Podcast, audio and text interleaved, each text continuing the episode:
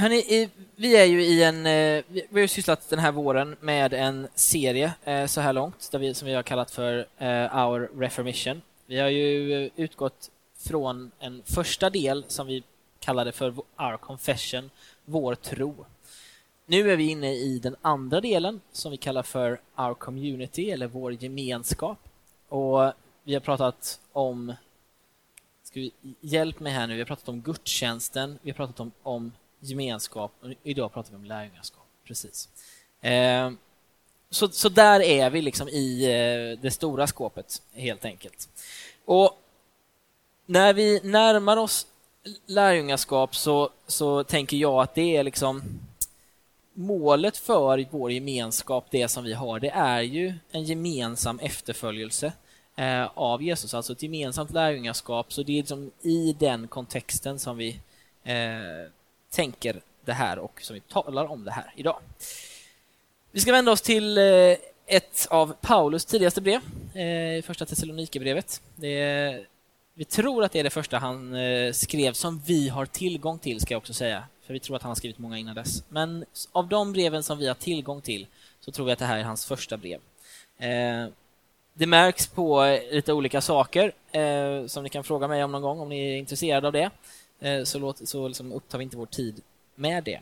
Men hur som helst så, så är det till en på ett sätt ganska ung församling som han skriver. Eh, och Båda första och andra Thessalonikerbrevet präglas av en ganska eh, de eskatologiska frågorna är ganska stora, det vill säga frågorna om vad ska hända när ska Jesus komma tillbaka? Eh, vad ska hända med oss? Om, och när vi dör, eh, liksom, vi trodde inte att vi skulle hinna dö innan han kommer tillbaka och sådär. Det är den typen av frågor som präglar de här två breven ganska mycket.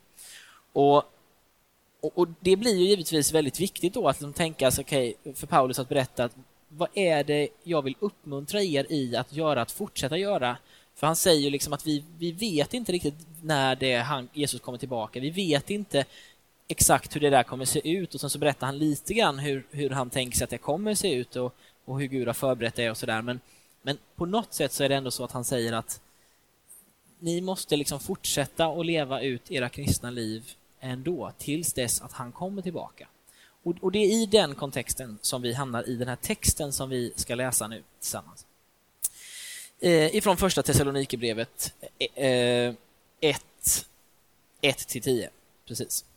Från Paulus, Silvanus och Timoteus till församlingen i Thessalonike som lever i Gud, Fadern och Herren Jesus Kristus. Nåd och frid. Vi tackar alltid Gud för er alla och nämner er ständigt i våra böner. Vi tänker, ty vi tänker på vad ni uträttar i tron, hur ni uppoffrar er i kärleken och hur ni håller ut i hoppet till vår Herre Jesus Kristus inför Gud, vår Fader. Gud älskar er bröder och systrar. Och vi vet att han har utvalt er. Vårt evangelium kom inte till er bara som ord utan också med kraft och helig ande i fullt mått. Ni vet ju vad vi förmådde bland er för er skull. Och när ni hade tagit emot ordet följde ni vårt exempel och därmed Herrens eget under många lidanden. Den, med den glädje som den helige Ande ger så har ni också blivit ett föredöme för alla troende i Makedonien och Akaja. Ni har fått Herrens ord att höras, och inte bara i Makedonien och Akaja. Överallt har man talat om er tro på Gud. Och vi behöver inte säga någonting. Alla berättar av sig själva om vad vårt besök hos er ledde till, hur ni vände er från avgudarna till Gud för att tjäna den levande och sanne guden och vänta på hans son, som han har uppväckt från de döda ska komma tillbaka från himlen. Jesus som räddar oss från den stundande vreden. Ni ser i, det här, det här kan ni, om ni läser de här två eh, breven så kommer ni se det att i, att, jag ska inte svära på det, men jag, jag tror att det är i, i varenda kapitel så står det någonting om hans återkomst. Så det är liksom jättepåtagligt att det här är liksom ett jätteviktigt tema eh, för dem när de, när de eh, tänker på det här. Okej, okay. det var texten. Då tänker jag så här att du, tänk, du tänker så här. Det stod inte lärjungaskap en enda, enda, enda gång i den här texten. Eh, varför handlar den om det? Och det ska jag försöka visa dig nu då. Eh, Och, och, när man går in i det här så tänker jag att det, det beror på hur man... Alltså hur ser du på lärjungaskap? Är det ett eh, tillval för de riktigt, riktigt kristna? Eller är, är du likgiltig inför det? Är det lärjungaskap någonting du har hört så oerhört många gånger att du bara är trött på det? Liksom? Eller är du, är du den som vältrar dig i det här eh, för liksom att kunna på något sätt sätta en medalj på axeln, en, eh, en, liksom en stripe för att säga att jag är någon slags general i den här lilla kristna sammanslutningen? Alltså, det beror på vem du är och hur du närmar dig lärjungaskap, tänker jag. Det är avgörande för vilken relation du har till lärjungaskap, för om du ser det som ett tillval så kommer du troligen för 150 gången säga nej tack eh, idag. Eh, ungefär likadant som jag, eh, de flesta gångerna i alla fall, eh, säger nej till när de säger vill du ha en plusmeny på det. Eh, så jag försöker i alla fall. Och, eh, eh, nej, men jag, det är just den, just den grejen brukar jag lyckas med. Sen så eh, Sen är det att just det här att jag får den frågan så många gånger ger ju ett, ett, tecken på att jag är på fel ställe redan från början så att säga. Så det är väl det som är utmaningen. Okej, okay. i eh, om du istället är likgiltig inför det så är det en stor risk att du kommer bli att det här blir en riktig gäspfest för dig. Ehm, de här kommande 30 minuterna eller vad det 28 eller vad det kan vara kvar. Eh, och, och, och, om du är den där som använder den som en slags en checklista. Nu ska vi liksom klara av eh, det här med lärjungaskap så blir det här förmodligen ytterligare ett ok på dina axlar och du kommer gå härifrån och inte känna dig särskilt uppmuntrad och du kommer förmodligen också springa härifrån och eh, med liksom någon slags eh, tyngd i hjärtat. Hur ska man då närma sig lärjungaskap egentligen? Eh, och, och jag tänker att svaret är så här. Eh, man ska närma sig lärjungaskap med hunger och vilja att lära sig. Man ska inte närma sig det som den här checklistan. Man ska heller inte liksom tänka så här, det här är ett tillval. Utan man ska komma med en, med en ödmjukhet och en vilja till att jag, jag skulle vilja lära mig mer. Jag skulle vilja eh, agera bättre. Jag skulle vilja utvecklas. Det tänker jag är lärjungaskapets liksom, grundförutsättning. Och En av de stora missuppfattningarna i kyrkan kring vad kristen, eh, vad det är att vara kristen idag är, tror jag då, är att det räcker med att på något sätt sträcka upp en liten hand en söndag, säga ja, jag skulle vilja eh, vara med i det här gänget, eller för all del eh, betala in en medlemsavgift i Svenska kyrkan. Eller, eh, eller ja, den kommer på skattesedeln. Eller på något annat sätt liksom deklarera liksom med någon liten enkel, lätt så här, klackspark att så, då var det klart. Eh, och, och då är man liksom quickfixad eh, kristen eh, och sen är man klar. Och och problemet blir ju att det där är ju starten och inte målet att, eh, att göra liksom sin tro offentlig eller vad det nu är för någonting. Och jag tänker att det finns en problematik i att vi har skapat en distans mellan att vara kristen eh, och att agera kristet. Jag tänker att man liksom inte kan, man kan inte separera dem. Och, och då kommer det ju oftast, i min upplevelse då, en slags rädsla att nu kommer det bli legalistiskt, nu kommer det bli lagiskt. Nu blir det så här, nu ska man göra enligt checklistan. Eh, för det, liksom, det får ju aldrig komma till det läget att man ska göra något för att bli frälst. Det vore ju fruktansvärt. Eh, och, och, det är ju, det, är ju inte liksom sanningen, så det är inte det vi ska liksom ägna oss åt. Men man kan ändå konstatera att vi, jag tror i alla fall, att vi är lite lätt rädda för den att det skulle kunna vara, eller det skulle behöva vara så. Okej. Okay. Och eh, för att liksom visa på den här gamla separationen som jag tänker då att vi har, det som jag upplever som är problemet. Då skulle jag vilja att eh, eh, vi kikar på en, en ganska tydlig sån där skillnad mellan bekännelse eh, till Kristus och efterföljelse av Kristus. Eh, och jag vill kort berätta om Rwanda. Rwanda ligger i Centralafrika. Eh, det, de har ungefär 11 miljoner invånare. De är eh, riktigt fattiga, men de strävar verkligen uppåt. De har en fattigdomsbekämpning som är helt grym, ska man faktiskt eh, säga. De är eh, fenomenala. De de stegrar på liksom de här skalorna som vi har när vi beräknar hur liksom ett land är fattigt och om det liksom går framåt eller bakåt. Och sådär. Eh, ungefär i likhet med Kina eller Thailand. Och då, om ni tänker efter så, så, känns det som att de länderna har liksom gjort en riktig sån rush uppåt. Så det är på ett sätt liksom ett fantastiskt land eh, som har eh, gjort jättemycket bra grejer. Så. Eh, idag är det ju då 20-årsdagen eh, av det här folkmordet som skedde 1994 som påbörjades den eh, 6 och 7 april 1994. Och då var det så att mer än 800 000 människor dödades på tre månader. Primärt för att de tillhörde folkslaget tutsi. Och, och det är ju liksom en utrotningstakt som, som slår Hitler på fingrarna, tyvärr. Det är riktigt, riktigt, riktigt fort och läskigt, skulle jag vilja eh, säga. Och jag tror att de flesta av er har sett eh, filmerna, eller någon av filmerna Hotel Rwanda och Shooting Dogs. Eh, två fruktansvärda filmer som om ni inte har eh, sett en, minst en av dem så vänligen ägna en kväll åt det. Eh, det är eh, inte uppmuntrande, men lärorikt. Eh, så. Och det som är tragiskt med den här verkligheten, det är att i det här landet 1994 så fanns det 90 procent av de människorna som levde i Rwanda var bekännande kristna. Och uppenbarligen har vi ett litet efterföljelseproblem.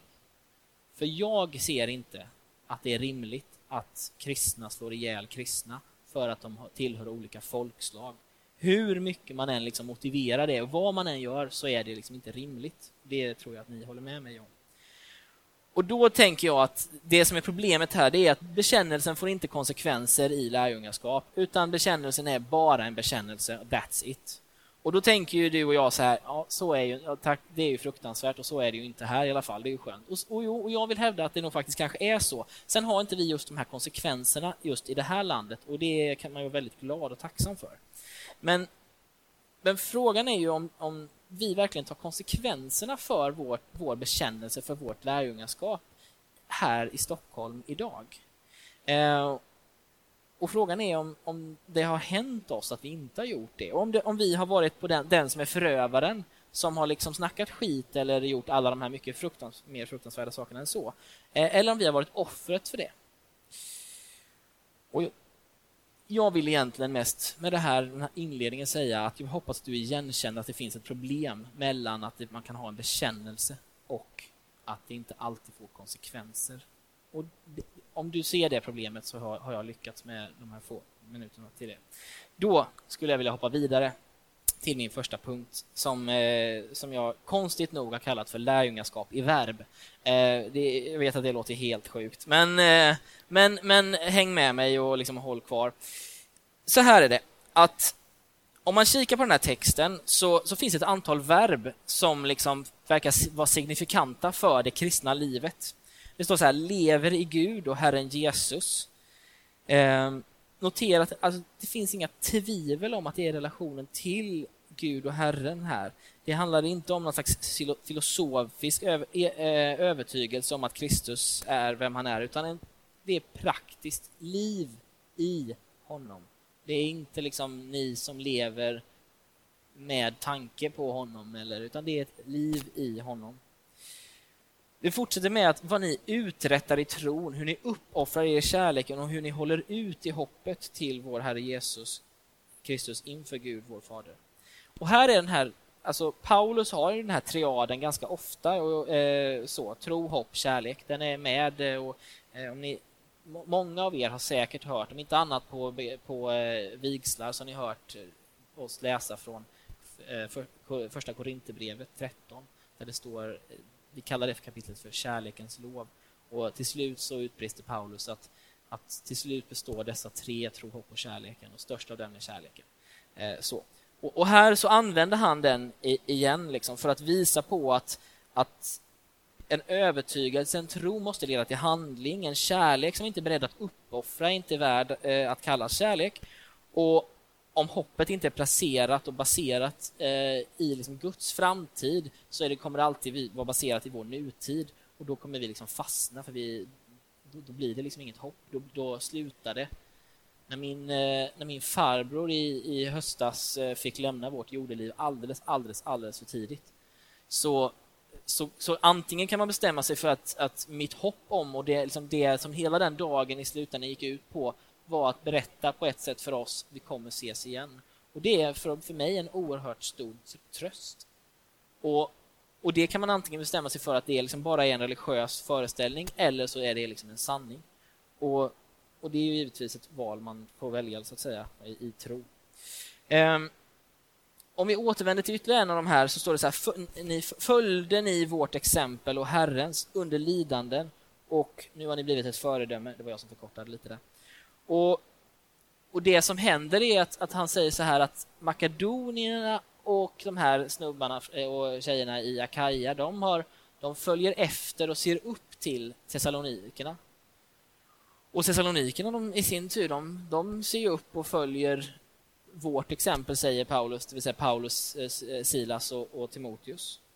Och de i sin tur följer Kristus. Det finns ett flertal tillfällen där Paulus omnämner det precis på det här sättet, att han säger att vi, vi följer, ni följer mig, eller följ mig liksom jag följer Kristus. Alltså, det finns någon slags riktning där vi liksom följer eh, varandra. Mm, precis. Så. Eh,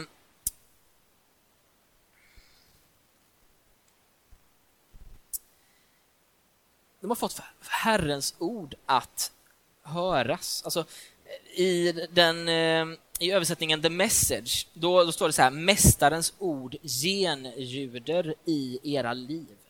Eh, jag tycker det är ett ganska fint uttryck. Det är liksom den absoluta motsatsen till det som, som kärlekens lov i första Korinthierbrevet börjar med, där det står så här att om jag, om jag har kär, liksom om jag... Det, så är det bara, nu vet hur det händer. Brain flush, som jag har börjat kalla det för, för det är, liksom så bara, det är som en toalettspolning, det bara försvinner rakt ut.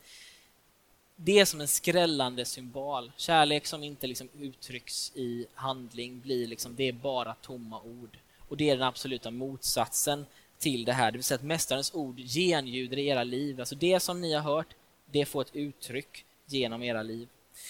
Ni blir en reflex eller en spegel, ett fönster som, eh, och i det så, liksom, så syns Jesus, helt enkelt. Det är poängen. Eh, fortsatt så står det så här, ni vände er från avgudarna till Gud. Alltså det vill säga att eh, bekännelsen av Kristus och avsägandet av det onda, det är också en del av lärjungaskapet. Eh, att vända om, eh, helt enkelt. Vidare står det så här, att till att tjäna den levande guden. Lärjungaskap är att tjäna på samma sätt som att Kristus antog en tjänares gestalt, står det i Filipperbrevet 2 för er som eh, har läst det. Och så står det fortsatt så här, att vänta på hans sons återkomst. Alltså det kristna livet eller lärjungaskapet, det har någon slags slutmål faktiskt. Det är inte bara ett liksom, eh, ekorrhjul som snurrar och snurrar, utan det finns ett, en slutpoäng att vänta på hans återkomst. Det här, det är det som jag, när jag läser den här texten så, så hittar jag ett antal eh, verb, verb är ju sånt som vi gör om det är någon som har glömt svenska lektionen. Eh, så helt enkelt. Det här, eh, i min uppfattning, är lärjungaskap i verb utifrån den här texten. Så finns det ju massa andra grejer som givetvis. Eh, och om det är någonting som jag skulle vilja att du ser så är det att, att det är inte särskilt mycket av det här som är liksom bara teori som sitter här uppe i huvudet och sen som inte landar i någon slags handling utan det mesta av det som när, när Paulus beskriver livet i Kristus eller att leva kristet eller vad man nu vill, liksom, uttrycka det som, lärjungaskap, så uttrycker han det som att det är att göra saker. Att det finns liksom, det finns, någon, det finns konsekvenser för det, helt enkelt. Och då skulle jag vilja kika på två av de här konsekvenserna. Och den ena är den här, ni följde e- vårt exempel och sen så vill jag prata, och det liksom skulle jag kalla för imitera Kristus. Och sen så vill jag kika på en annan grej som jag vill, eh, där vi pratar om bekännelse. Eh, för vi hinner ju inte så mycket som ni, eller jo det gör vi ju om vi ägnar hela dagen. Men inte, har ni sett den här nya, idag upptäckte jag att det finns en ny musikvideo på, eh, på vad heter han, Happy-killen? Farrell heter han, eller hur? Ja, han har i alla fall gjort en, en loopad variant av sin eh, musikvideo. Så den, den är 24 timmar lång. Eh, det är världens längsta eh, musikvideo tydligen. Eh, så. så länge kan jag hålla på om det här ämnet, men jag kommer inte göra det. Så, och Jag kan göra det utifrån den här texten faktiskt, om, jag, om ni vill det. Men, men jag tror inte att ni vill det, så därför så fokuserar vi på några saker. Imitera Kristus, efterföljelse av Mästaren. När de tolv lärjungarna blir kallade i evangeliernas första kapitel så är det liksom primärt en kallelse till efterföljelse. Petrus kastar ju sig inför Jesus i Lukas 5 och han eh, liksom bekänner att han är en syndare och Jesus, Jesu uppmaning är ju inte så här, ja, då ska du göra det här och det här och det här, och det här, utan han säger följ efter mig. Och det är sedan innehållet i resten av evangelierna. Det är Jesu liv och lärjungarnas eh, eh, lyckade och misslyckade försök att följa honom och imitera honom. Och vad är det då du ska imitera? Vad är det du ska liksom implementera i ditt liv i Stockholm, Uppsala, eh, Södertälje eller var du bor? Jo, då tänker jag att det är hans, det är hans sätt. Det är hans sätt att vara, hans sätt att möta människor. Det är hans värderingar, det som du kan, eh, när du liksom kikar på och läser evangelierna, vem är den här Jesus? Vad för någonting är det som vi ser att han men vad är det för värderingar som får uttryck i hans liv? Det är hans passion. Eh, den som är både kärleksfull för människor men också eh, brinnande för Gud. Eh, det finns ju ett tillfälle där Jesus inte beter sig sådär jättemysigt. Där han, han, han klabbar ihop en, en piska och ger sig upp till tempelplatsen och, och härjar runt järnet. Och kastar omkull massa bord och, och har sig helt enkelt. Eh, och det skulle jag vilja hävda att det är, ett, det är inte liksom ett, ett undantag där vi säger så här, nej men det här, är, det här var, det var, det var lite dåligt gjort av Jesus. Utan det var, det var en helig passion som du och jag också ibland faktiskt behöver ge uttryck för och som jag är glad att, att andra människor i vårt samhälle ibland ger uttryck för. Och Det handlar kanske ganska ofta om social orättvisa. Där, eh, och tyvärr, jag skulle vilja se fler kristna som drev, eh, som, som drev bort eh, social orättvisa i vårt samhälle eh, hellre än att det bara liksom var eh, vissa med partipolitisk ideologi utan att det också fanns liksom en religiöst grundad eller en relationell till Gud, relationell eh, grundad sån iver. Du ska i alla fall imitera detta och hans omtanke och hans kärlek. Han möter en kvinna utanför Sykar en gång i, eh, i Johannes och han möter henne med respekt trots att resten av staden ansåg att hon var något, med, något av det mest oheliga som gick runt i ett par sandaler. I det läget så möter han henne med respekt, kärlek, förståelse, lyssnar, pratar, ber henne om att få liksom vatten. Eh, grejer som, som i den kontexten verkligen var helt knäppa egentligen när, han, när fariseerna tar med sig en kvinna till honom, också Johannes, eh, som har varit med i, i en utomäktenskaplig affär, så ställer han sig på kvinnans sida och dömer inte, för han listar ut att det här är, liksom ett sätt att sätta dit den här kvinnan. Han möter en skattefifflande maffiakille eh, som heter Sakaios så, så festar han med honom istället för att eh, spotta på honom, som de andra gjorde. Och när man försöker lura honom att fatta fel beslut, eh, bland annat när man frågar honom om hur man ska betala skatt, då svarar han med kloka ord och han väger de orden väldigt, väldigt väl. När han attackeras med frågor av många gånger av fariseerna, då svarar han inte spydigt eh, utan ganska fyndigt och klurigt och svarar ofta med en fråga. Det finns en enorm kärlek i hans eh, ögon och i hans sätt att göra saker och ting, förstår vi när vi läser texterna. Och det där, det är någonting att imitera. Men det är också så att du ska imitera andra. Du ska imitera Daniel, vår pastor, i sin passion för evangelium och församlingen. Du ska imitera Linus när han eh, inte ser ner på människor utan ger dem en andra chans. Du ska imitera Klara när hon eh, i omtanke och generositet smsar, skickar kort och köper presenter. Du ska imitera Isabelle när hon välkomnar alla in i sitt liv med kärlek. Du ska imitera Andreas i sitt commitment. Oavsett vilken av de två Andreas man väljer där nere så ska ni imitera dem, deras commitment till församlingen. Ni ska imitera Johannes när han mjukt och tydligt leder sina medarbetare. Verkligen Kristuslikt. Du ska imitera Linda när hon öppet och ärligt delar med sig av sin imperfektion. Du ska imitera Patrik när han intresserar sig för andra människor, Kristina när hon älskar internationella människor hela vägen in i himmelen. Du ska imitera Julia när hon strävsamt och tålmodigt uppfostrar Harry trots alla utmaningar. Du ska imitera Andreas när han sätter Julia framför mycket annat. Du ska imitera Emma när hon tar hand om Stenmarksbarnen som om de vore hennes egen familj. Du ska ibland imitera mig när jag faktiskt beter mig trevligt, men det, är, det behöver inte... Och jag skulle kunna fortsätta så här.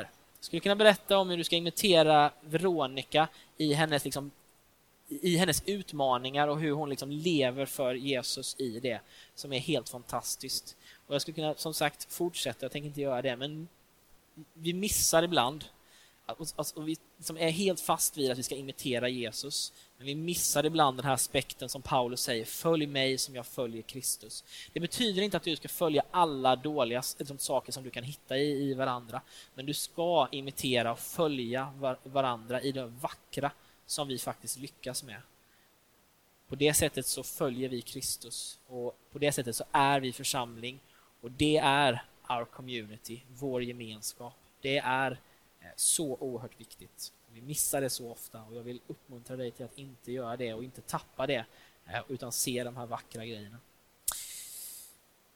Nu skulle jag vilja läsa ett brev som eh, en man skrev till en kille som heter Diognetes. Han skrev det på 100-200-talet. Det är ju så här att om man lyssnar på mig så får man alltid höra någon sån här grej. Det är alltid någon ökenfader eller någon liksom ett brev från länge sådär. Eh, så, och det är ju en besvikelse att inte Filip är här för han älskar det eh, över mycket annat. Det här är i alla fall ett apologetiskt brev som syftar till att visa hur de kristna resonerar. Eh, ibland har det hävdats att det här är skrivet av en icke-kristen. Så är inte fallet. Det är väldigt, väldigt så här apologetiskt, tydligt så här, försvara tron. Eh, och han försöker, kan man säga, eh, säga att den kristna tron är överlägsen den, den romerska kejsarkulten och den är överlägsen den judiska tron. Det är det som eh, är själva poängen på ett sätt. Men jag vill läsa det för jag tycker det är vackert. Ty de kristna skiljer sig varken till land, språk eller seder från andra människor. De bor varken i egna städer eller talar något, eg något särskilt språk eller för något egendomligt liv. Deras lära har inte utformats genom lärda människors tankar och beräkningar. Inte heller företräder de någon tro av mänskligt ursprung så som några gör. De bor i både grekiska och utländska städer allt eftersom var och en har fått sin lott. Och de följer landets seder i dräkt, föda och i övrigt levnadssätt. Men samtidigt visar de en förunderligt erkänd hållning, eh, ovanlig hållning i sin livsföring. De bor i sina fädernes land men som gäster. De har del i allt som medborgare men uthärdar allt som främlingar. Varje främmande land kan bli deras fädernesland och varje fädernesland är ett främmande land för dem. De gifter sig som alla andra och föder barn, men de sätter inte ut sin avkomma. Deras bord är öppet för alla, men inte deras bädd. De finns till i köttet, men lever inte efter köttet. De vistas på jorden, men deras hemland är himmelen. De lyder de stiftade lagarna, men överträffar dem genom sitt eget liv. De älskar alla men förföljs av alla. De är okända men fördöms, de dödas men görs levande. De är fattiga men gör många rika. De saknar allt men äger överflöd på allt. De vanäras men i vanäran förhärligas de. De förtalas men de får rätt. De smädas men välsignar, de, skymf, eh, de, eh, de skymfas men ger ära. När de gör gott straffas de som onda. När de straffas gläds de som om de fick nytt liv. Av judarna bekämpas de som främlingar och av grekerna förföljs de. Och de som hatar dem kan inte ange någon orsak till sin fiendskap. Jag tycker det är så häftigt skrivet av eh, eh, den här som liksom på något sätt försöker eh, säga att så här, det här liksom, att den kristna tron är vacker liksom, när den får sitt uttryck på rätt sätt.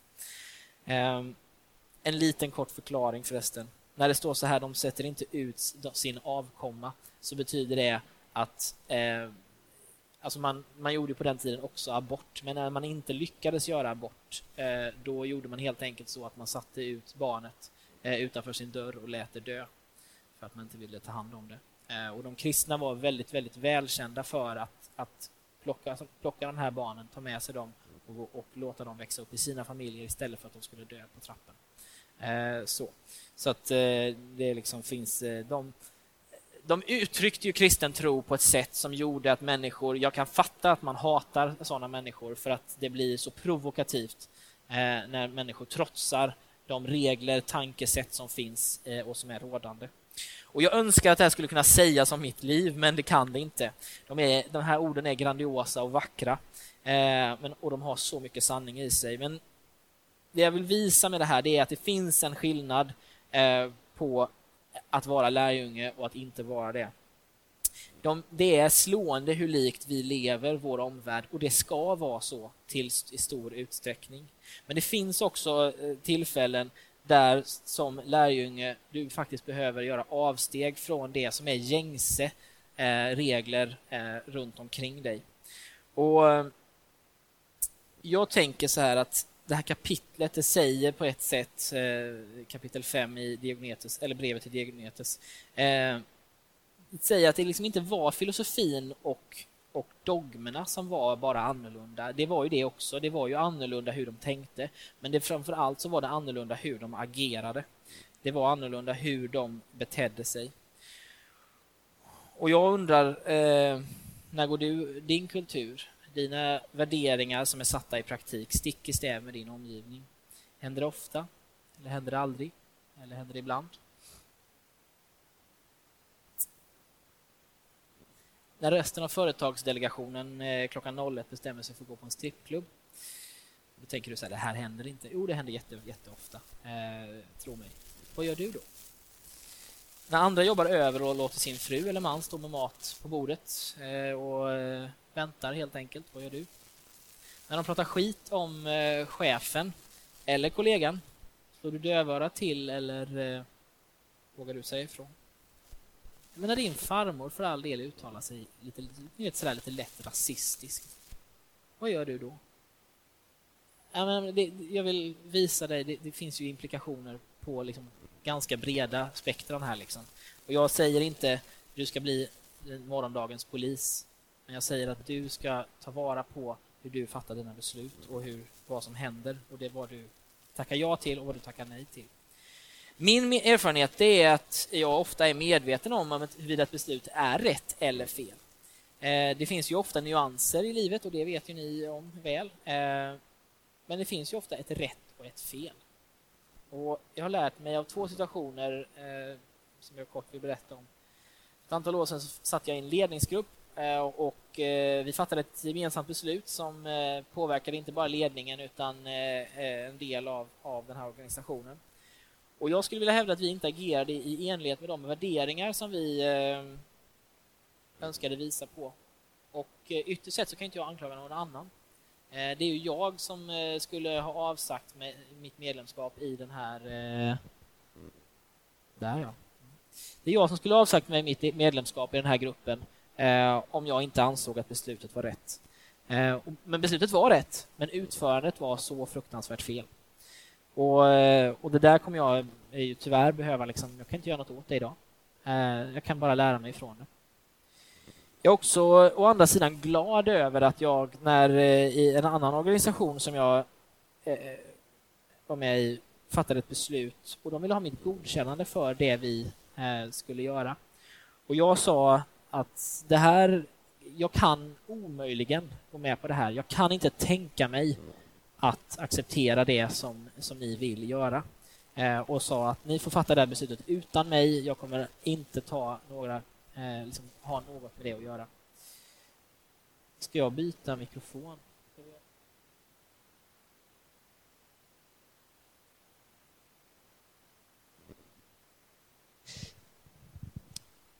Man ska leva med sina beslut om 5, 10 och 20 år.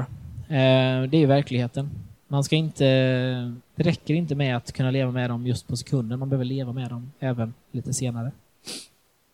Det krävs mod för att säga ifrån, men vet, när det går precis från den här gråzonen som det faktiskt nästan alltid handlar om. Det är ju väldigt sällan så att du står där och så säger du gick det precis från allt som du tycker är okej och jättebra, dina goda värderingar, till det som du inte tycker är okej. Det liksom hoppar ju inte över där liksom på en sekund, utan det går ju in i den där gråzonen. Och du kommer behöva avgöra när det går in i för långt. Du kommer behöva avgöra när du inte längre kan vara med, när du inte längre tycker att det är okej. Och då kommer det krävas väldigt mycket mod av dig för att säga nej. Och det modet, tänker jag mig, kommer från vem man har som förebild, vem det är man vill efterlikna.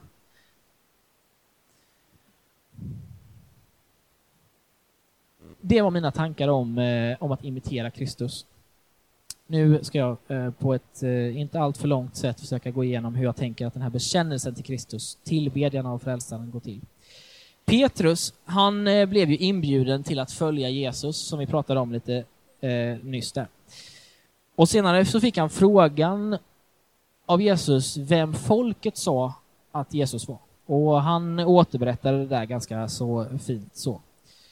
Hade ett litet antal alternativ. Och Jesus ställde frågan men vem säger du att jag är? Och då, eller vem säger ni att jag är? Och Petrus han svarar ett med sånt där perfekt svar.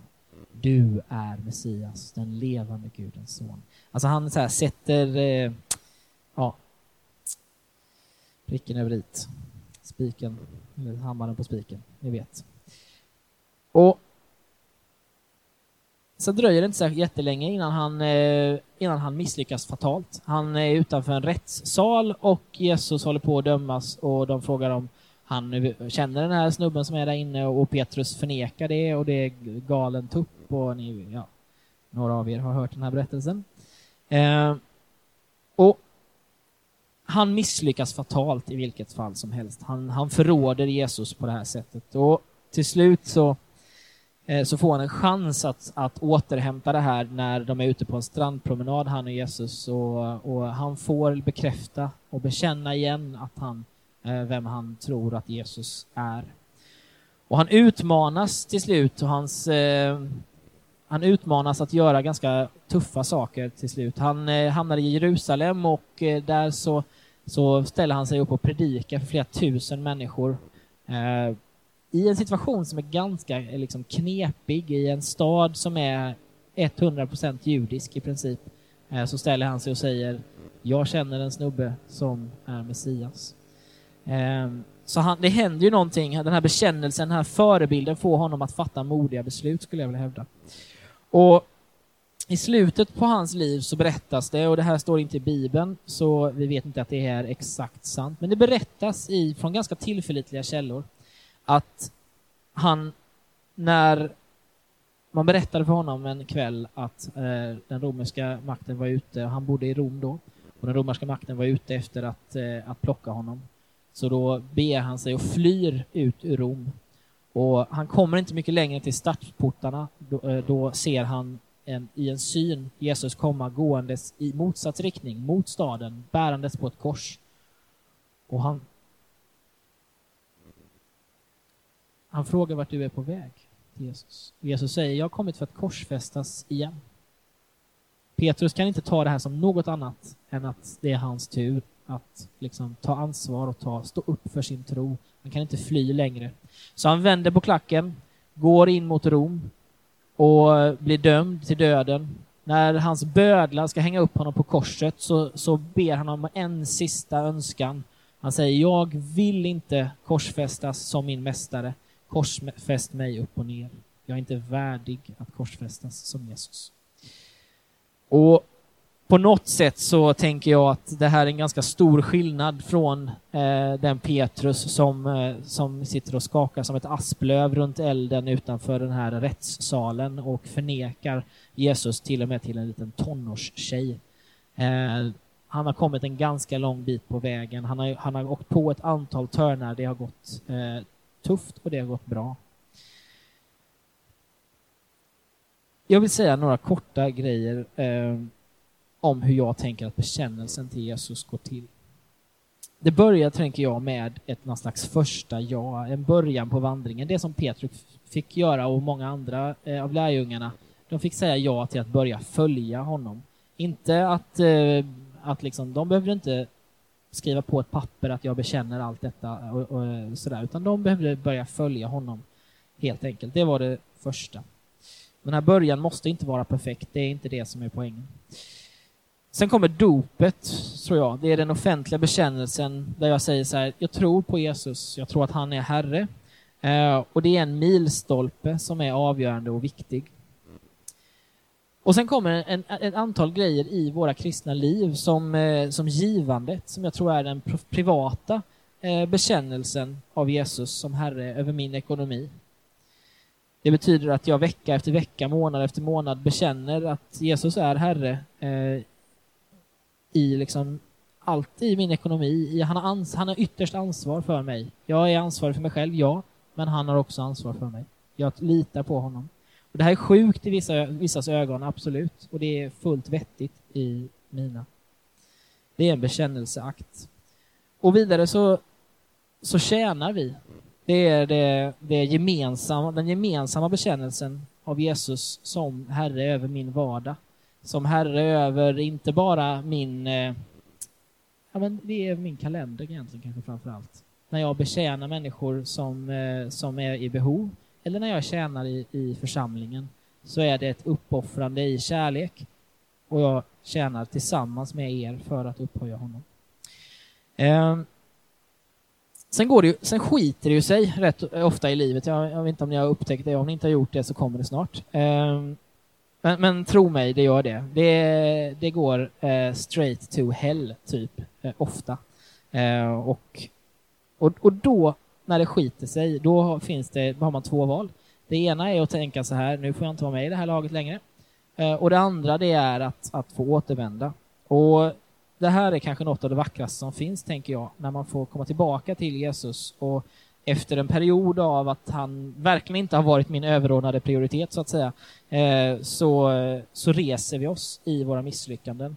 Eh, och, och, det är en, i slutet en bekännelse om hans oändliga och förunderliga nåd. Eh, det är när vi reser oss och, och, kommer tillbaka till honom, då är det en bekännelse i våra liv och han förhärligas i det och vi tror ibland att, att det liksom är otur att vi fick komma tillbaka, men det är i slutändan faktiskt någonting som upphöjer Gud. Eh, till slut så, så får vi också som Petrus lida för Kristus. Vi måste bekänna färg, vi kan inte tiga längre, vi måste make a stand, eh, helt enkelt. Och eh, idag handlar ju tyvärr så mycket av kristendom om makt och framgång och individualitet. Och i Nya Testamentet så verkar tron mer handla om förföljelse och fattigdom, fängelse, utmaningar, förtryck. Och jag säger inte att vi ska söka det. Jag är inte ute efter att säga att det här vore idealt, att eh, det ska, nu ska det skita sig på riktigt. Utan jag säger att när allting inte går som eh, det ska, då måste inte det betyda att det är dåligt att du inte har, att du inte har gjort rätt. När du får lida i den här världen, när saker och ting inte går din väg, när du förlorar arbetet för någonting som du faktiskt har gjort rätt. När du eh, när du möter alla de här fruktansvärda utmaningarna som händer i livet, då är inte det per definition ett, ett förklarande från Gud som säger du har misslyckats, du har inte gjort rätt. Och det vill jag vara tydlig med och jag tycker att det är ganska viktigt därför att det finns idag alldeles för många som predikar alldeles för mycket av framgång. Och jag vill någonstans säga att i de här första kristnas liv så var en av de grejerna som de såg som en framgång det var att få bli inkastad till lejon och uppäten för hans namns skull. Eh, så, så att våra koncept kring det här med framgång är ganska olika. Och jag, jag inser att det här jag, jag tar ju de extrema bilderna nu, men jag gör det för att du ska på något sätt kunna omfamna och förstå att, att det är inte alltid så att det som vi omger oss med är sant.